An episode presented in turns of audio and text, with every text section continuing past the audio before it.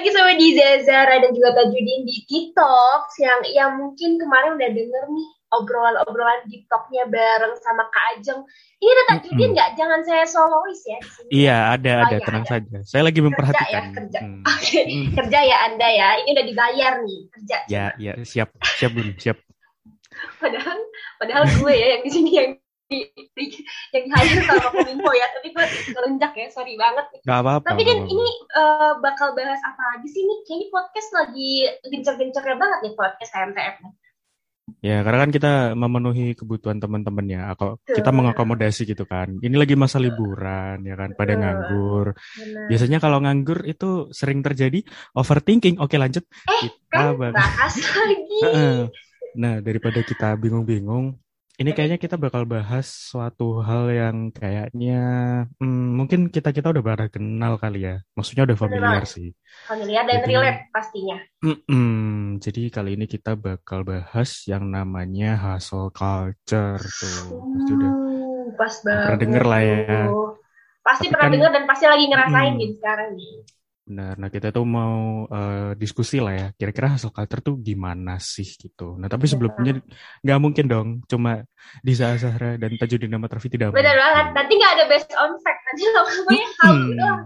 Iya. Halu doang nggak boleh. Jadi kita mengundang guest star keren lagi. Yang sebelum kita udah ngundang ke Ajeng.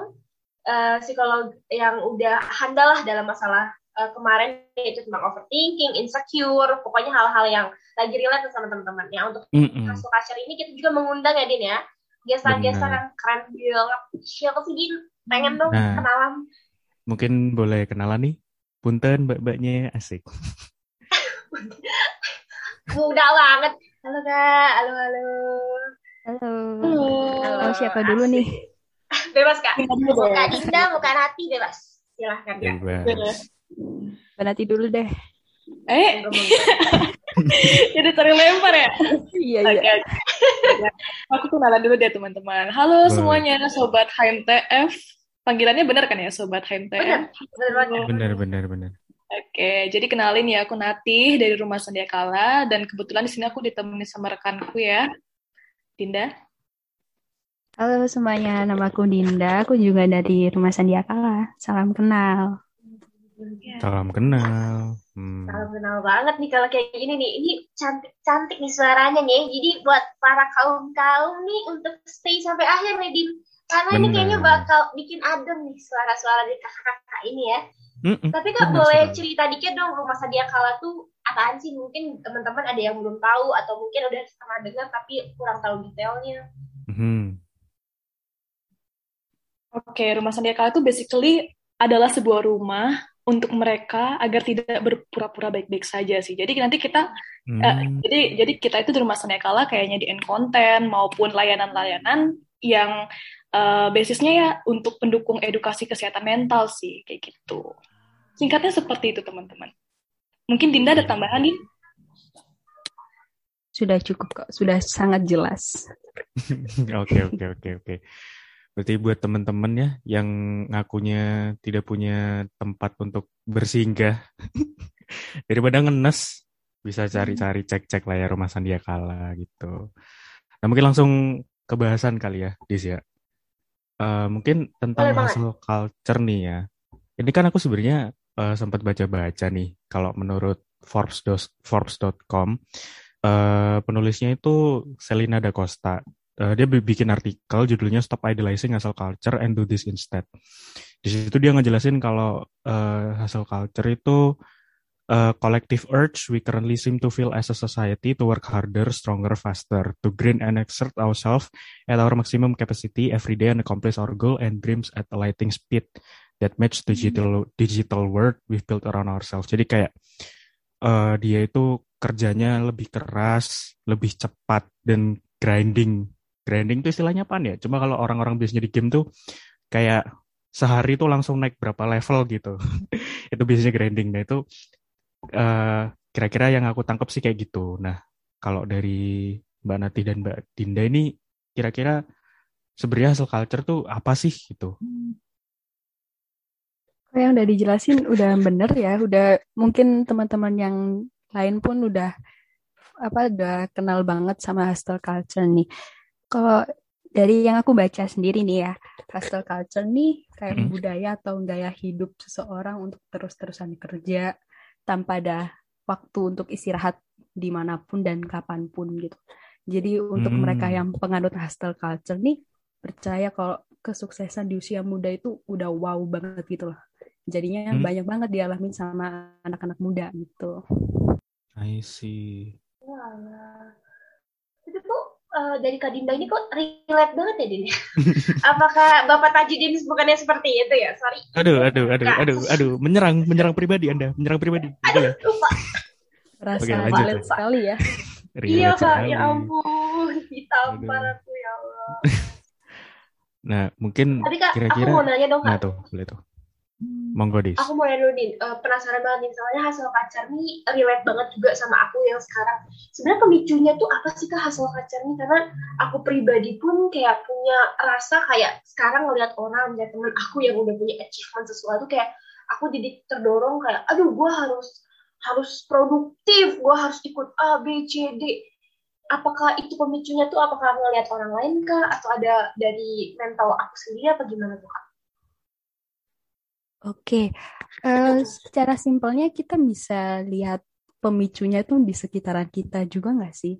Kayak lingkungan Hmm. sekitar kita, terus juga eh, lingkungan itu nggak cuma dari eh, yang ada di dekat-dekat kita doang ya, dari Iya. orang lain yang temen ataupun bahkan keluarga kita gitu. Hmm.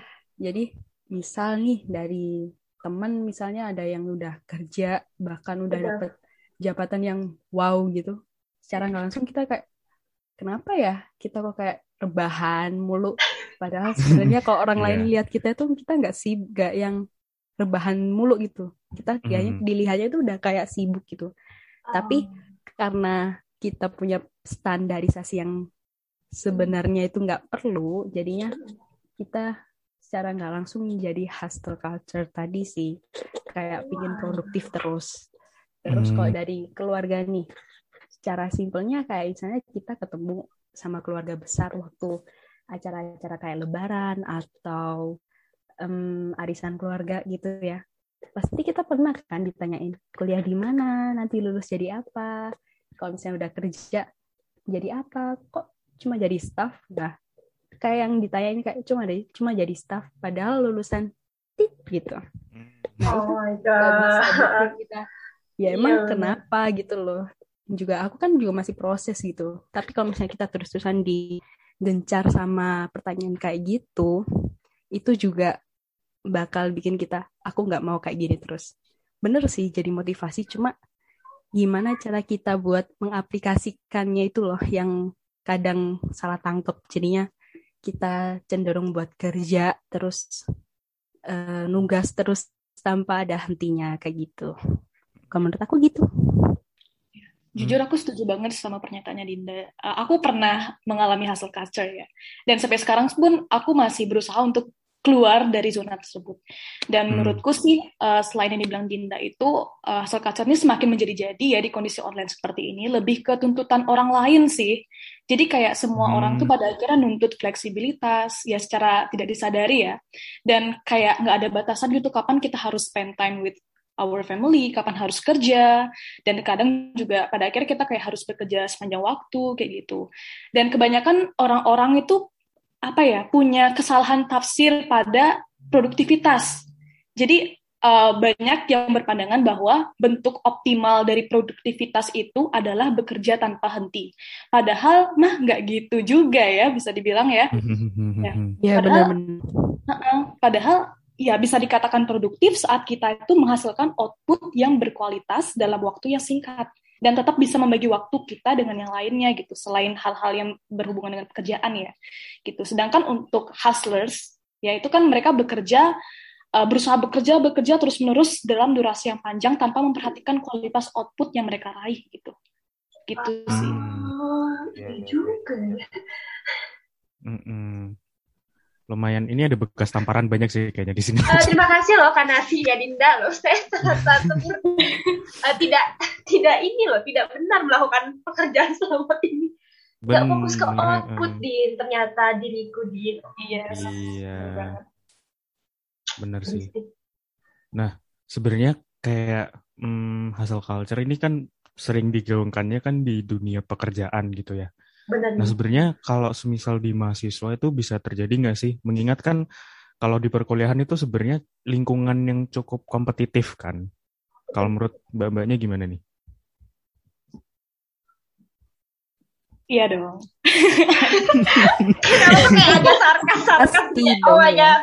Gimana nih? Pasti dong. Menarik banget jawaban Pasti. iya dongnya tuh kayak ada sarkas itu kenapa nih? Sebenarnya kita tahu tapi ingin sharing Apakah ya. relate banget nih tahu. sama Kanati nih kayaknya nih buat Eh, eh, iya zaman-zaman Tentu relate banget ya. Soalnya lingkungan itu benar-benar berpengaruh tinggi banget sih jujur ya. Dan Hmm. aku eh, jujur di lingkungan kuliahku juga yang tipe-tipenya anak ambis gitu kan. Jadi kadang kalau misalnya aku ngelihat teman-temanku yang ambis tuh jadi pengen ikutan ambis. Jadi kayak apa ya? Hmm. Macam ada rasa bersalah kalau misalnya kita nggak ikut pace-nya mereka gitu. Hmm, Benar, benar. Ah, Gak nih? Tertampar lagi ya, Bu. Iya, Asik, asik. Aduh, aduh. Iya, Dinda iya, iya. gimana, Din? Kalau aku sendiri juga nggak jauh beda sih sebenarnya. Benar. Kalau aku sih lebih ini temen teman kuliahku ada yang ikut pertukaran pelajar sampai ke luar negeri, terus Hmm. ada yang anak organisasi banget. Sedangkan aku nggak ikut Hmm. organisasi di dalam kan. Jadi ya kayak Hmm. oh my god. Ka- kayaknya aku mikirin kuliah mulu kayak pingin gitu loh eh, produktif di Hmm. organisasi tapi kayak eh, nggak deh kayaknya. Tapi kalau ngeliat teman-teman kayak sibuk rapat rapat rapat mulu kayaknya seru gitu tapi aku ngerasa nggak mampu tapi aku pingin gitu loh Oh my god. I Iya, see, I see, I see, I see. I see banget Iya itu karena maba aku ngerasain banget zaman-zaman maba tuh kayak gitu tuh. Ya Allah kok anak-anak Iya udah mulai sibuk A B C D UKM ini ini Hmm. kok gue di kosan aja waktu offline kan sedih. Serasa sampah jurusan ya kan? Hmm. Nah itu banget ya ampun ya ampun. Aduh, aduh. Eh, Beda, beda. Tapi Din kalau dirimu sendiri Mm-hmm. relate gak sih sama Kak Dinda sama Kak Nati ini apakah Tajudin lagi ngerasain? Wah ya tentu. Eh, Gimana Din? aku- Ini boleh share nih ke Kak Nati dan sama Kak Hmm, Dinda. hmm, hmm. Iya, Eh, boleh, kalau boleh. kalau dari aku sih kayaknya sama juga sih kayak beneran yang dibilang Disa tadi sih. Kalau emang dari zaman maba itu eh kayak karena kita baru masuk di lingkungan yang baru banget ya. Jadi kita nggak nggak tahu nih iklim yang normal dalam tanda kutip ya normal tuh seperti apa. Jadi kadang kita kayak suka mm, ngebandingin diri sendiri. Aduh ini balik topik kemarin ya kan. Rasa suka ngebandingin diri sendiri gitu sama teman-teman atau mungkin sama kakak tingkat atau apa. Terus kayak ngeliat kok bisa ke sana ya? Harusnya aku kayaknya bisa deh. Nah, tapi mindsetnya kayaknya salah sih. Yang katanya Kak Ajeng kemarin kan katanya harusnya kita lebih fokus sama tujuan kan. Cuma kan kita lebih fokus ke pingin ngikutinnya doang gitu. Nah, pingin ngikutin ini kan kalau nggak tahu tujuannya juga ya ya sia-sia juga sih sebenarnya gitu. Benar, benar banget, benar. Sering sih sebenarnya sering terjadi. Lagi Seperti sih, itu itu. bukan sering Mm-mm. lagi. Suka suka tidak mau ngaku ini Bapak Tajudin ini. Tapi, Iya kan? tapi kita mungkin lanjut ya ke topik selanjutnya. Ah, boleh, boleh, Kalau boleh. menurut Kanati sama Kak Dinda, eh, tadi kan udah nih kalau misalkan sebenarnya hasil kaca tuh nggak baik kayak eh, nggak baik ke diri, ke secara fisik dan juga mental. Tapi ada nggak sih kayak sisi positif atau benefit dari hasil kaca? Apakah terus-terusan dia memberikan impact negatif kah? Tapi tahu-taunya ternyata hasil kaca tuh karena mendorong kita produktif, jadinya ya bagus kita selalu bermindset kalau ya kita harus menghasilkan suatu output gitu. Nah kalau dari Kak Dinda sama Kanati ini gimana nih?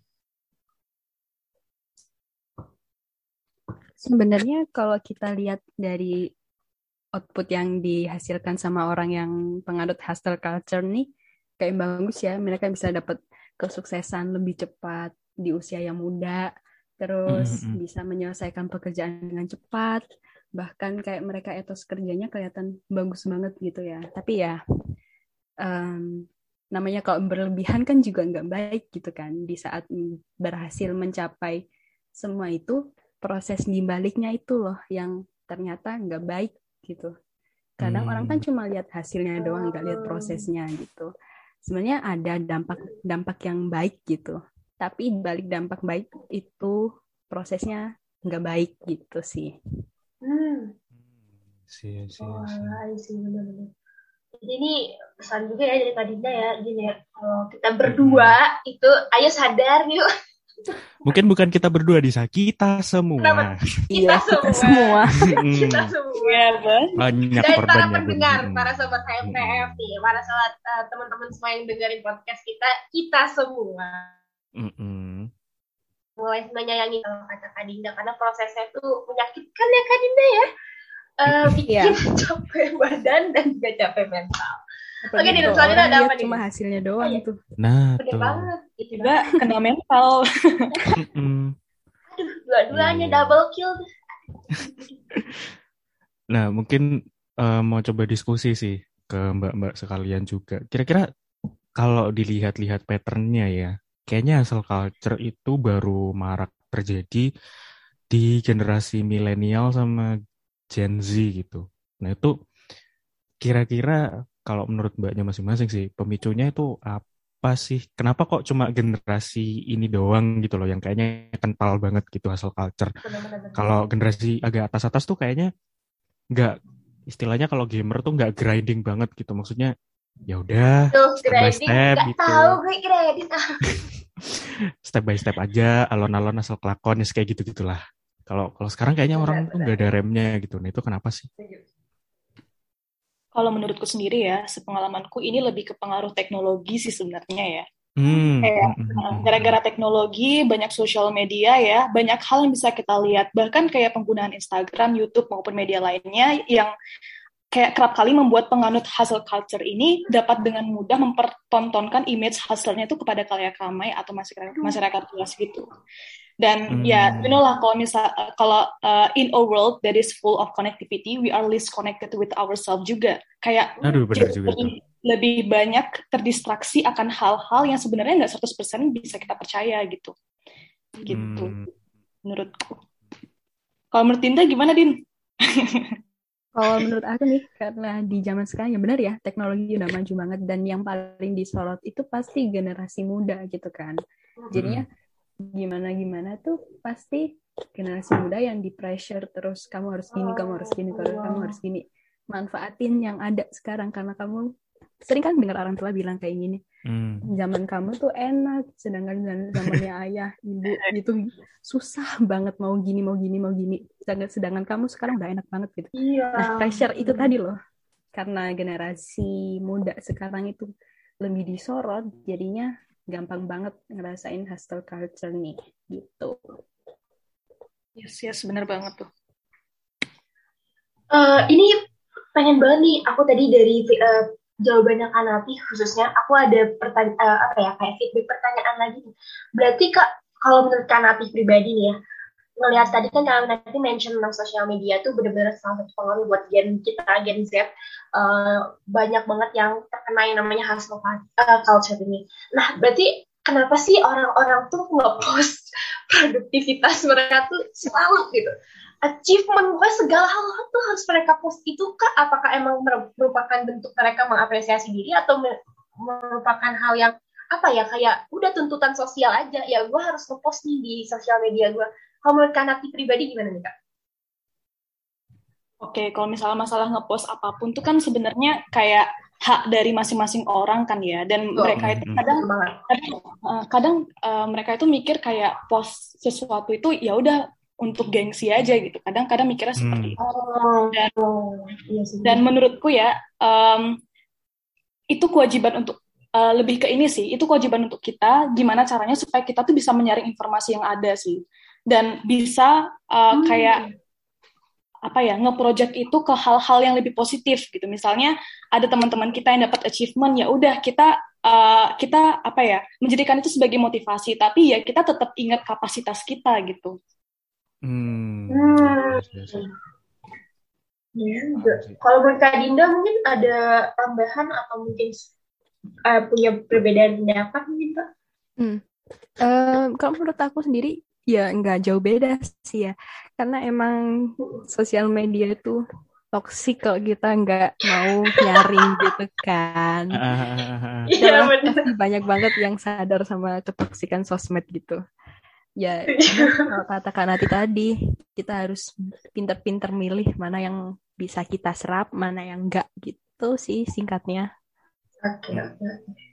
Berarti kayak emang kita tuh juga harus mulai itu nggak sih bis membiasakan diri kalau emang ternyata di sosmed itu emang citra terbaik yang ditampilkan kan gitu. Kita kan Benar, nggak Eh, itu, bisa iya, tahu itu banget. proses Instagram, di baliknya dan segala macam. Mm-mm. Benar, benar, benar. Ya. Soalnya ini fun Mungkin- fact aku ini sih di eh, sedikit motong. Aku sebenarnya ini kak, aku sebenarnya ngadu karena aku sering ngeliat achievementnya Tajudin. Aku insecure. Eh, Anda bilang apa? LinkedIn saya isinya cuma bio, mohon maaf. Aku ngeliat LinkedIn-nya Tajudin, aku kayak kenapa sih Tajudin ngepost mulu kayak gitu. Sebenarnya aku ketawa. Kosong saudara-saudara, kosong saudara. Bisa dicek ya LinkedIn Tajudin Ahmad Raffi dicek kosong saudara-saudara. Bener sih, lihat LinkedIn itu bikin semakin Iya sih Ah. benar benar benar. tempat insecure sesungguhnya. Waduh. Bukan Instagram guys. Coba kalian cek LinkedIn kalian. Timeline tuh. bang. Mm-mm. Isinya timeline tuh sertifikat, magang, sertifikat, magang, sertifikat, Wah, magang. Udah gitu terus. achievement lomba. Ay, Mm, tanda. Oke, mm. fokus lagi deh. Nah mungkin kayak itu tadi sih kita harus nge-acknowledge kalau emang apa namanya itu citra terbaik dan mungkin kayaknya kayak kita harus mulai sadar nggak sih kalau orang tuh nggak bisa disamain gitu emang beda-beda. Betul banget, betul Mm-mm. banget. Yang benar kata Kak Dinda ya, semuanya tuh eh atau kan Nafi tadi mention kalau misalkan semua tuh ada kapasitas sendiri, jadi jangan memaksakan kita untuk jadi orang lain mempunyai achievement sebesar orang lain. Menarik banget sih bahasan ini, hmm, suka. Hmm. nah mungkin aku mau ngelanjutin ke Ledis ya. Tadi kan sempat di-mention sama Kak Dinda kalau nggak salah kalau dari parent parent tuh ada role tertentu gitu kayak misal kalimat-kalimat yang tadi gitu. Nah itu sebenarnya kalau dari pengalaman masing-masing sih bisa juga kalau ada boleh kayak segimana pengaruhnya orang tua sih ke kayak hustle culture itu terus ke budaya kalau misal di budaya masyarakat Indonesia sendiri itu sebenarnya eh, cenderung cla- hustle culture atau gimana ya? Soalnya kalau menurutku lebih laid back sih sebenarnya orang Indonesia loh ya. Itu dia, benar. Setuju kalau yang Indonesia. benar. Kalau aku sendiri dari Mhm. orang tua aku sih sebenarnya nggak pernah yang nuntut apa-apa sih, karena karena mereka maunya apa yang aku mau gitu loh. Tapi ada dari keluarga aku yang lain gitu, ada nih om tante aku gitu ya. Hmm. Kayak mereka eh, melebihi dari apa yang orang tua aku omongin gitu loh. Jadi mereka Iya iya iya. iya. mereka kayak lebih ke ini sih. Kamu lulus SMA mau ke mana gitu? Mau kuliah Hmm. jurusan apa gitu? Dulu aku Hmm. pinginnya ke jurusan geografi. Terus jurusan geografi nanti lulusnya jadi apa gitu? Kayak sih sempit, maaf maaf, masih sempit gitu kan ya pemikirannya menurut aku hmm. gitu. Sedangkan aku kan juga nggak pilih jurusan itu tanpa melihat prospek ke depannya gitu kan. Jadi mereka kayak punya role sendiri gitu loh. Kayak apa yang udah mereka alamin dan mereka berhasil dan mereka pingin share. Ya maksudnya bagus emang. Tuh, Cuma ya nggak mikirin gimana apa yang aku pingin gitu loh. Sedangkan Hmm. aku pinginnya ke situ. Terus mereka ambil role-nya tetangga mereka. Itu loh. eh, Tetangga tante kuliahnya juga jurusan geografi sampai sekarang lulus belum punya kerjaan gitu. Kayak Hmm. apa ya? Sebenarnya itu nggak perlu disampaikan gitu kan. Ya, Terus ah. udah nih, udah lama gak ketemu, ketemu lagi ditanyain jurusan apa gitu. ya. Udah masuk kuliah nih, jurusan psikologi gitu gitu. Oh nanti lulus jadi apa gitu. Ya kalau mau ambil S2 bisa jadi psikolog gitu. Oh kenapa nggak nggak nggak milih yang lain gitu? Ya karena aku Hmm. pinginnya ini gitu. Terus dampak juga ke Ya anaknya Allah. gitu. Dampak iya, juga iya, ke iya. anaknya sebenarnya anaknya pingin kuliah di UB, pingin di pertanian Ah, kalau nggak gitu di UGM di bahasa Jawa bang eh UGM apa UNJ gitu hmm, bagus hmm, kan hmm. sebenarnya tapi Iya. lagi-lagi be- beliaunya yang gak ngebolehin pada Hmm. akhirnya anaknya ke jurusan yang sama dengan orang tuanya kayak gitu sih sebenarnya Wah. Wah. Iya, iya, tergantung iya. orang tuanya sih menurut kalian gimana kayak kayak kasihan anaknya kan Benar, Iya. gitu sih kayak aku Jadinya- ah, kasihan banget gitu Jadinya ke restrain gitu sih, kayak tertekan gitu. kalian kalian gimana nih Aduh, kalau oh, gimana? Ini btw ini lagi di rumah nih Kak Dinda. Btw lagi di rumah. Nggak apa-apa nggak apa-apa. Keras keras aja. Keras keras ppkm bu. Ppkm lah susah jajan lah tambah susah jajan. iya, bener juga, saya senang banget sama jurusan teknis parah kayak hmm. passion parah. Mungkin tadi sebagai bapaknya beliau itu adalah mm, petinggi mm, di PF gimana nih? Aduh kalau Hmm, sebenarnya sih kayak bisa relate sih sama yang kayak itu tadi. Tapi nggak nggak terlalu ke pressure banget sih. Maksudnya nggak yang sampai kayak gitu banget. Kadang kadang emang suka mikir sih kayak orang orang tuh mesti kan kayak nanya ya, ntar mau jadi apa? Ya jadi manusia dong, masa jadi bubur ya kan? Itu yang agak pusing sebenarnya. Mulai, mulai. Kebiasaan maaf nih, narasumber kebiasaan. Oke, hmm. Nah jadi kalau aku sih kalau dari pengalamanku sih emang sebenarnya kayak sedikit di direct tapi sebenarnya masih dikasih ruang kebebasan juga gitu. Uh, jadi kalau dari aku sendiri sih nggak sampai ke constraint banget sih yang kayak nggak bisa gitu. Sebenarnya tetap bisa cuma kayaknya hmm, lebih karena udah dibiasain sih. Jadi ujungnya kecemplungnya di tempat yang sama gitu. Gitu kalau dari aku. Kalau anda gimana Disa?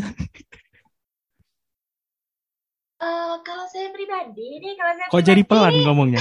Kok jadi pelan ngomongnya? Uh, kalau saya pribadi, enggak enggak gimana ini, gitu. Uh, sayang banget nih sama teknik fisika gitu, hmm. apalagi IPS tuh wah cinta banget. Kayak udah passion hmm. dari SD dari TK kayak oh pengen hmm. 10 November. Gak ada tuh ke daerah ke daerah orang tua nggak. Aku tuh tipenya udah tahu mimpi aku dia, Kadinda hmm. kan nanti jadi aman-aman. Hmm lagi PPKM gitu ya. Lagi PPKM jadi harus baik-baik rumah. Kalau nggak jajan nggak keluar, nggak jajan kestak. ATM makin makin seret ya. Jadi saya iya. cinta teknik fisika. Benar banget. Kalau Kanati nih kayak diam-diam baik kenapa nih? Kanati riwayat banget apa no comment? Iya sebenarnya kalau yeah. parenting ini berpengaruh banget ya. Jujur um, sebenarnya salah satu motivasiku juga dari dulu kayak dapat juara kelas misalnya ya kayak dari zaman zaman SD itu karena didikan orang tuaku sih. Kayak bener-bener nekenin hmm. kayak cewek itu harus uh, financial freedom harus mandiri finansial lah. Terus uh, dari mereka juga kayak bilang kalau misalnya mau ngambil sesuatu ya harus lihat prospek banget gitu. Dan kadang itu membuatku ya jadi sedikit mengesampingkan apa yang sebenarnya aku inginkan atau passionku dan hmm. waktu itu juga aku kayak sempet tipus buat ikut olimpiade, pokoknya mempelajari mata bukan matkul ya, mata pelajaran yang hmm. satu tingkat di atasku. Jadi kayak aku tuh nggak um, boleh tidur sampai kerjaan-kerjaanku tuh selesai. Jadi gitu dulu wow. didikan dari orang tua aku. Tapi wow. ya ada plus minusnya sih sebenarnya. Uh. Dan semakin ke sini tuh jujur orang tuaku lebih memperhatikan mentalku sih. Jadi kayak uh, bahkan orang tuaku sekarang kayak support banget kalau misalnya aku ambil kerjaan apa-apa ya dan selalu ngingetin buat makan, istirahat, jangan bergadang ya kayak gitu. Gitu mm -hmm. sih. Untungnya sudah sudah berubah ya. Gitu. Dan menurutku sebenarnya um, apa ya akan lebih bagus untuk orang tua yang penting aku jadi ini ya saran ya. ya. Itu pokoknya. Gak apa-apa, gak iya. apa-apa. Menurutku kalau Mm-mm. parenting yang bagus tuh ya saat kita tuh bisa apa ya membangkitkan semangat atau willpower, tekad atau great leadership dari anak-anaknya sih, tapi tidak mengesampingkan passion mereka tuh apa itu sih. Hmm. Jadi saat mereka itu bisa fight for their passion ya dan punya great leadership ya mereka akan berhasil gitu. Kalau menurutku hmm. gitu. Gitu sih. Waduh beda banget sih Dis. Kayak kalau Kanati oh. nih nggak boleh tidur sebelum tugasnya selesai. Kalau saya tugasnya Aku. belum selesai udah tidur. Iya, kalau saya nggak dikerjain sama sekali kalau Benar, kerjain besok pagi. Uh -uh. Benar, itu banget kayak deket-deket loh. Enak loh sensasi sensasi deket-deket waktu udah nggak ngerjain malamnya, paginya ngerjain deket-deket, terus aku chaos, aku chaos, padahal dirinya sendiri ya kan yang bikin chaos. Oke, okay, fix aku lanjut. Gak ke, aku next, gak keburu. Next. Deadliner banget ya, Bun. Aduh. Nah, nah, ya, ya, ya. Bener sih, bener sih. Oke, okay, kita lanjut ya. Ini udah udah curhatan di data judi nih, jadinya nggak fokus nih nah, para pendengar karena uh, di data judi ini terlalu banyak curhat nih sama Kanati sama Kanina. kita ke pertanyaan selanjutnya. Uh, Oke, okay, kita udah ngerasain nih yang namanya hasil culture khususnya aku sama tadi nih kak. Uh, apakah dari Kanapi ataupun Kak Dinda ada kayak tips and trick kayak uh, ini loh cara uh, kamu menghadapi atau cara kamu meminimalisir lah uh, dari sifat hasil hasil culture hasil hasil nih, kak. hasil culture kacau ya okay. aku mungkin ya oke okay, siapa nih Gimana? Jangan berantem, jangan berantem, tenang. Dan belum, Semuanya tenang, tenang. bagian tenang, jawab. tenang. Nah. Semua bisa. Bebas. bisa. Oke, okay, okay. Ayo, Din. Coba aku nih. Oke. Okay.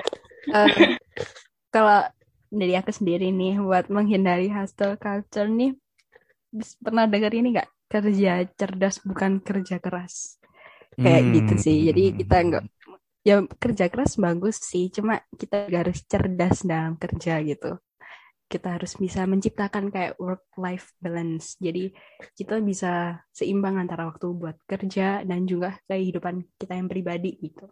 Terus hmm, kayak harus terapin pola pikir yang penting itu kualitas bukan kuantitas. Kadang kan orang mikir seberapa banyak tugas yang udah kita kerjain gitu tanpa mikirin hmm. kualitasnya kayak gimana. Gampangannya kayak gini loh. Kita dapat nilai bagus itu orang nggak pernah mau tahu gimana proses kita buat dapetin nilai itu kan yang hmm. taunya cuma uh, nilai berupa angka gitu yang sedangkan proses kita tuh dianggap nggak penting sedangkan kita tuh perlu loh menganggap penting sebuah proses jadi kita harus meng mengedepankan proses untuk menciptakan kualitas yang bagus gitu terus juga kita harus penting ya kita juga harus tahu seberapa pentingnya istirahat Kenapa? Karena sedangkan kalau kita kerja sampai berapa jam, berapa puluh jam, pasti capek kan. Nah, capek ini bisa berdampak ke kesehatan fisik maupun mental. Jadi kalau misalnya kita nggak pintar-pintar ngatur waktu nih buat istirahat, pastinya kita bakal chaos tadi itu. Bakal kayak apa ya, bingung gitu kan. Aku mau ngerjain ini tapi aku capek jadi nggak bisa maksimal nggak bisa dapat kualitas yang bagus gitu kalau dari Mbak Nati gimana Ya, benar banget sih tadi katanya Dinda ya.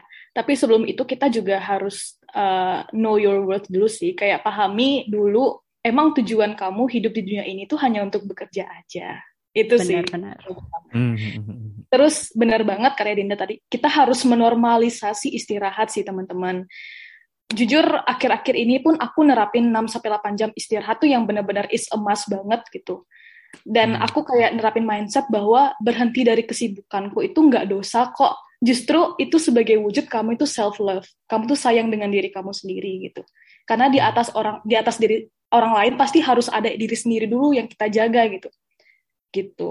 Dan benar banget tadi katanya Dinda juga ya, kita selain uh, kita istirahat itu bener banget buat recharge energi kita. Tapi menurutku istirahat aja nggak cukup buat balikin energi kita itu atau baterai kita itu full ke 100% tubuh kita tuh menurutku ya perlu bergerak. Ini berdasarkan pengalamanku sih. Tubuh kita perlu bergerak perlu berolahraga membentuk otot supaya kapasitas baterai kita juga bisa semakin bertumbuh gitu itu sih penting banget dan ya uh, biar nggak burn out juga ya saat kita tuh uh, kerja. Nah, kita harus define juga jam-jam terbaik kita untuk mengalokasikan energi kita ke hal-hal yang sesuai.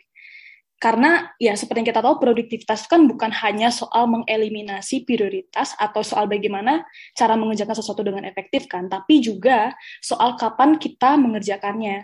Jadi ya kita harus define your most creative hour, your least creative hour, butuh bed rest berapa jam, dan mental break dari jam berapa sampai jam berapa. Dan itu menurutku hmm. penting banget mendefine itu. Dan yang terakhir, work-life balance. Ya, kita harus benar-benar bisa manage our focus sih. Uh, dan aku biasa pakai rule of three, yaitu life, career, sama money kalau live hmm. ini aku berusaha kayak uh, setiap hari tuh bisa catch up lah dengan keluargaku, dengan teman-temanku, terus olahraga, mungkin ngelakuin hobiku juga nyanyi, dan mungkin mempersiapkan diri sebagai seorang ibu. nah, oh, okay nggak nggak nggak. Nggak ya ya begitulah. Dan karir itu aku kayak berusaha untuk membangun personal branding. Mungkin dari cover cover yang aku buat atau mungkin dari kerjaan kerjaanku gitu. Dan kemudian money mm -hmm. ya dengan menabung gitu sih. Saat kita bisa menerapkan ini rule of three kita ya aku rasa kita bisa apa ya kayak berhasil lah dalam hidup gitu.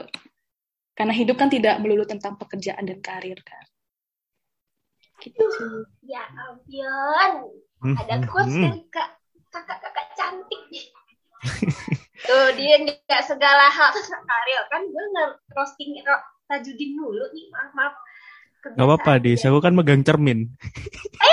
takut Tampar, Kalian ngaca ya. Aduh. Takut. Oke deh, ini kayak kita uh, selesaikan aja ya karena kita bakal ada problem sendiri sama Tajudin. Thank you banget ya Hmm. denger. Diselesaikan di belakang ya. Oke, profesional. Yuk, lanjut. Aduh, aduh. Ya berarti bener sih kayak hustle culture ini harus apa ya? Ada efek positifnya, tapi juga harus ada batasannya juga dan harus ada work life balance sih. Emang bener sih. Kay- Kayaknya kalau di masa sekarang tuh karena baru apa ya? Baru kena era digital. Jadi kayaknya orang tuh masih cukup kagok gitu sama work life balance. Jadi jatuhnya tuh kerja mulu kadang kan ada yang kadang kayak misal ikutan pelatihan atau apa di depan laptop mulu kayak 5 jam, 6 jam, 7 jam gitu. Sampai mungkin skip makan atau mungkin skip skip ngobrol sama keluarganya kayak gitu-gitu sih. Sedih juga kalau dipikir-pikir ya, depresif juga ya generasi kita. Aja, gitu aja. Ya ampun, ya ampun. Ini udah cukup insightful ya di sini pembicaraan Banget. kali ini ya. Dan pastinya Hmm. dan pastinya juga teman-teman eh, yang lagi dengar podcast Talks ini langsung kayak oh iya ya gue harus tahu batasan diri nggak terus-terusan untuk memaksakan eh, meraih sesuatu yang sebenarnya di luar eh, kemampuan kita ya Din ya Di, Mm, mm, eh, mm. ini juga omongan buat diriku sendiri kok teman-teman tenang aja aku tidak asal memberikan wejangan Ini ya. langsung semuanya diri aku juga. Now playing Hindia untuk apa ya kan? Manusia Iya iya iya iya iya. iya.